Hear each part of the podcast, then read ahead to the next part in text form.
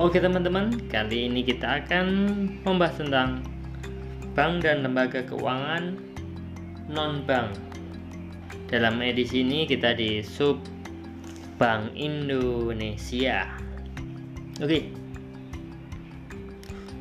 Kita akan mulai dengan pengertian uang.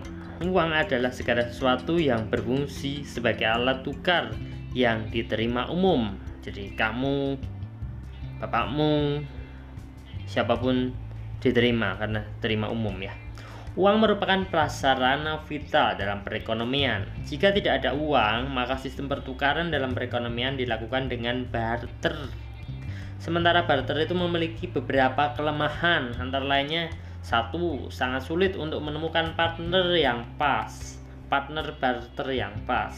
Yang kedua, dalam barter sangat sulit untuk menentukan standar pertukaran atau harga.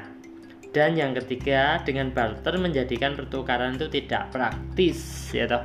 Jadi kamu membawa kayu bakar nanti di uh, tuker sama beras atau apa itu kan nggak nggak praktis ya itu pernah menjadi sejarah tapi itu nggak praktis. Pada awalnya, suatu komoditas tertentu disepakati sebagai uang yang salah satunya adalah logam. Selanjutnya, karena ketidakpastian uang logam, uang berkembang menjadi uang kertas. Nilai uang kertas ini tidak lagi berdasarkan nilai intrinsiknya, melainkan berdasarkan jaminan hukum. Karena perkembangan sistem transaksi, muncul bentuk uang yang sebetulnya tidak dicetak sebagai uang. Uang demikian disebut sebagai uang bank. Fungsi uang dikelompokkan menjadi dua, yaitu fungsi dasar yang meliputi sebagai media transaksi dan sebagai penyimpan nilai, dan fungsi tambahan, yaitu sebagai satuan hitung, alat pembayaran, baik saat ini maupun yang akan datang, dan sebagai instrumen untuk spekulasi. Komponen jumlah uang beredar meliputi satu uang dalam arti sempit yang terdiri dari uang kertas dan uang legam. Yang kedua, uang dalam arti luas merupakan uang yang muncul karena adanya proses perbankan. Uang ini meliputi giro, tabungan, deposito, dan alat pembayaran lain yang mendekati uang seperti kartu kredit. Peran bank sentral paling mendasar adalah sebagai penyedia uang inti, yaitu yang bertugas menyetak dan mengedarkan uang.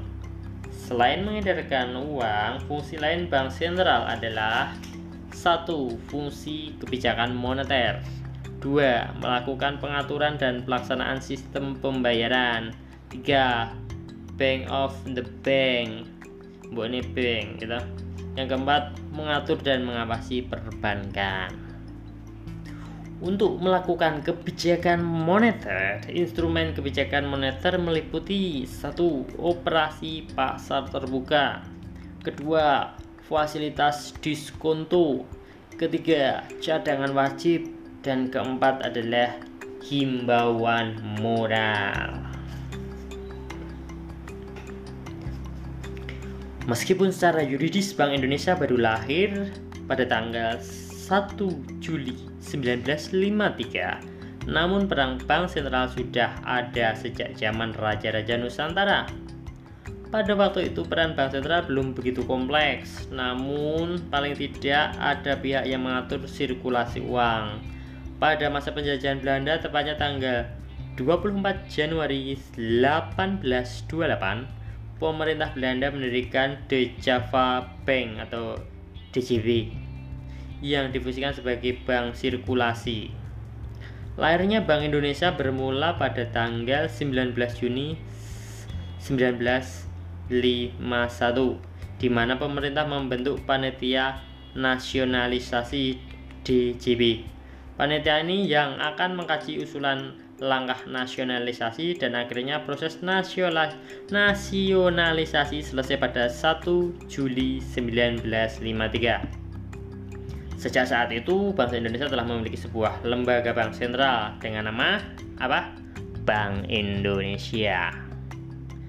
Pada masa itu, Sesuai Undang-Undang Nomor 11 Tahun 1953, tugas Bank Indonesia antara lain menjaga stabilitas rupiah, menyelenggarakan peredaran uang di Indonesia, memajukan perkembangan urusan kredit, dan melakukan pengawasan pada urusan kredit tersebut. Dalam perkembangannya, tahun 1959 muncul gagasan untuk membentuk bank tunggal. Bank tunggal itu sendiri baru terbentuk pada tahun 1965. Pada masa itu BI melebur menjadi BNI Unit 1.